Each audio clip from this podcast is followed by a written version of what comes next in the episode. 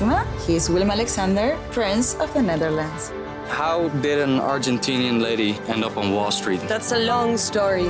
Well, I have time. Mama, Het is Maxima. ik heb er nog nooit zo verliefd gezien. Screw everyone. All I care about is you. Maxima. Vanaf 20 april alleen bij Videoland. Vanochtend legde ik mijn handen in mijn schoot. Nu even helemaal niets meer aanraken. Nergens op tikken en ik wachtte tot het schermpje van mijn telefoon vanzelf doofde. Het was elf uur 's ochtends. Wat had ik nou de laatste twee uur allemaal aan informatie in mij opgenomen? Ik murmelde de hele lijst.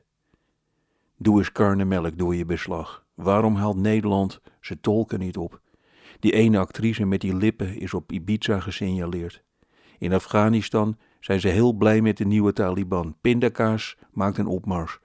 El Pacino had bijna geen rol gekregen in The Godfather. De Creoolse keuken, dat is een avontuurlijke keuken. Vegan ijs, dat wordt steeds populairder. In Kabul gaat het mis. Andy Kaufman is toch dood. Misty Lady 234245 lacht om corona. RTL Boulevard lik zijn wonden. De NS gaat proberen het Formule 1 publiek coronavriendelijk te vervoeren en Rob Crazy 260485 die scheidt op transseksuelen. Er is een giraf geboren.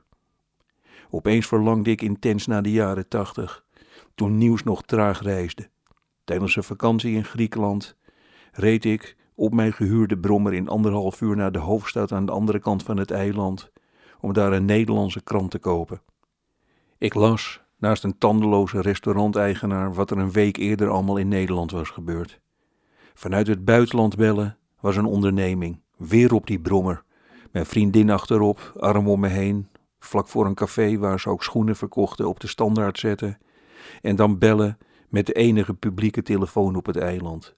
Ik wachtte tot mijn moeder opnam en schreeuwde dan: Alles goed hier? Ook alles goed daar? Hoe is het met oma? Ik ga snel ophangen hoor, want ik heb nog maar één munt. Dag.